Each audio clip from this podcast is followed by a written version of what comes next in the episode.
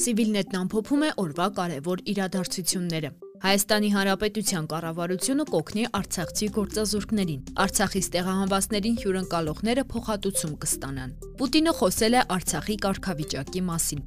Կապանի քաղաքապետը մեկնաբանել է Պաշտպանության նախարարության հրահանգը մինչև դեկտեմբերի 18-ի ժամը 17-ը լքել զբաղեցրած դիրքերը։ Սյունիքում սահմանի որոշ հատվածներում կտեղակայվեն ռուս սահմանապահներ։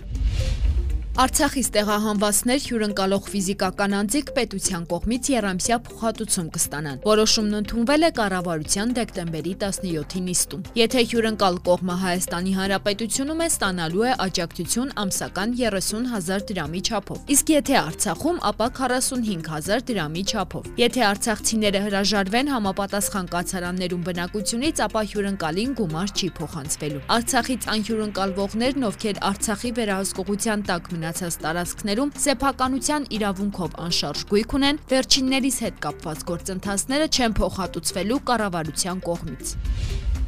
Կառավարության մեկ այլ որոշմամբ Արցախցի այն քաղաքացիներին, ովքեր կորցրել են աշխատանքը, աշխատանքային փորձ ձեռք բերելու համար կտրամադրվի աջակցություն։ Մասնավորապես կառավարությունն առաջարկում է 100.000 դրամի չափով աջակցություն տրամադրել Արցախից տեղահանված այն քաղաքացիներին, ովքեր գործատուի հետ կնքված պայմանագրով կանցնեն աշխատանքի ու աշխատանքային փորձ ձեռք կբերեն։ Բացի այդ, կառավարությունն առաջարկում է ամսական 34000 դրամ վճարել գործատուի այն մասնագետին, որը կազմակերպել կատարելու է փորձի ձեռքբերման աշխատանքը, իսկ գործատուին կառավարությունը պարտավորվում է վճարել այդ անձի հաշվարկված եկամտահարկը։ Գործազուրկ անձն այս ծրագրից միայն մեկ անգամ կարող է օգտվել երամսյա ժամկետով։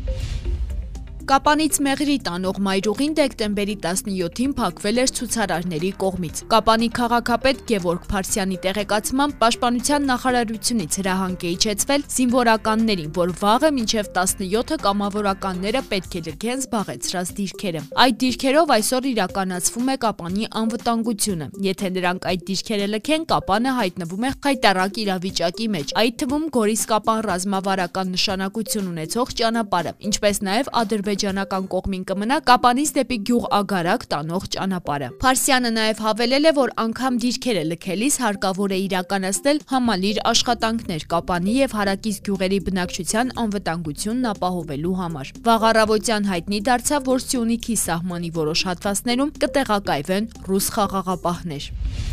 Լեռնային Ղարաբաղը միջազգային իրավունքի տեսանկյունից Ադրբեջանի տարածք է։ Այսօրվա մեծասուլիսի ժամանակ հայտարարեց Ռուսաստանի Դաշնության նախագահ Վլադիմիր Պուտինը, հերթական անգամ հիշեցնելով, որ Հայաստանն էլ չի ճանաչել Ղարաբաղը։ Ըստ Պուտինի Լեռնային Ղարաբաղի կարգավիճակը պետք է անփոփոխ մնա եւ որոշվի ապագայում։ Խոսելով Հայաստանի եւ Ադրբեջանի զինված ուժերի տեղակայման դիրքերի մասին, նա նշեց, որ ըստ նոեմբերի 9-ի երակողմ համաձայնության ուժերը պետք է կանգնեն այնտեղ, որտեղ գտնվել են փաստաթղթի ստորագրման պահին։ Նա մի քանի անգամ ընդգծեց, որ ամենակարևոր բանը, որին հաջողվել է հասնել հայտարարությամբ, արյունահեղության դադարեցումն է։